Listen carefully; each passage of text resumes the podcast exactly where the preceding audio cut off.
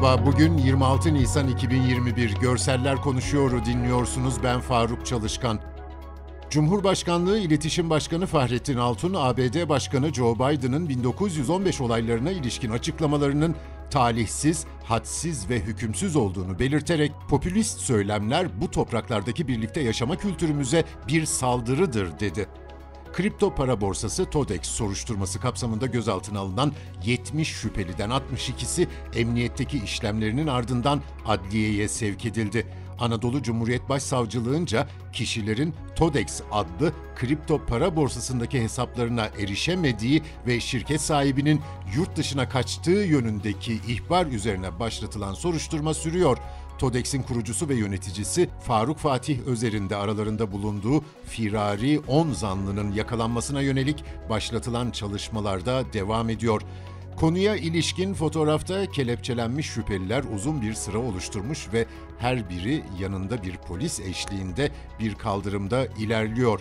Çanakkale Boğazı'nda yapılmakta olan köprüden bahsedeceğim. Yapımı tamamlandığında dünyanın en büyük orta açıklıklı asma köprüsü ünvanını alacak 1915 Çanakkale Köprüsü'nün inşası için Sütlüce ve Şekerkaya şantiyelerinde mühendis ve işçiler yoğun mesai harcıyor. 1500 gün olmuş çalışmalar başlayalı. Gelibolu ilçesindeki Sütlüce ve Lapseki ilçesinde yer alan Şekerkaya şantiyelerinde 649'un mühendis, 5000'e yakın personel 895 iş makinesiyle görev alıyor. Fotoğrafları çok çarpıcı. Kamera kumsalda. Bir sandal var önümüzde uzakta iki muazzam direk. Aralarında deniz. Kıyıları birleştiren çelik halatlar direklerin üzerinden sarkmış. Sonra iki kıyıya sabitlenmiş. Bizim bulunduğumuz kıyıda bir beton yapı var. Halatların taşıyacağı yolların kıyıdaki temeli. Ayaklardan oluşan yapının üzerinde halatlarla bağlanan yol ilerliyor inşaatla birlikte. O direklerden gelen halatlar taşıyacak o yolu.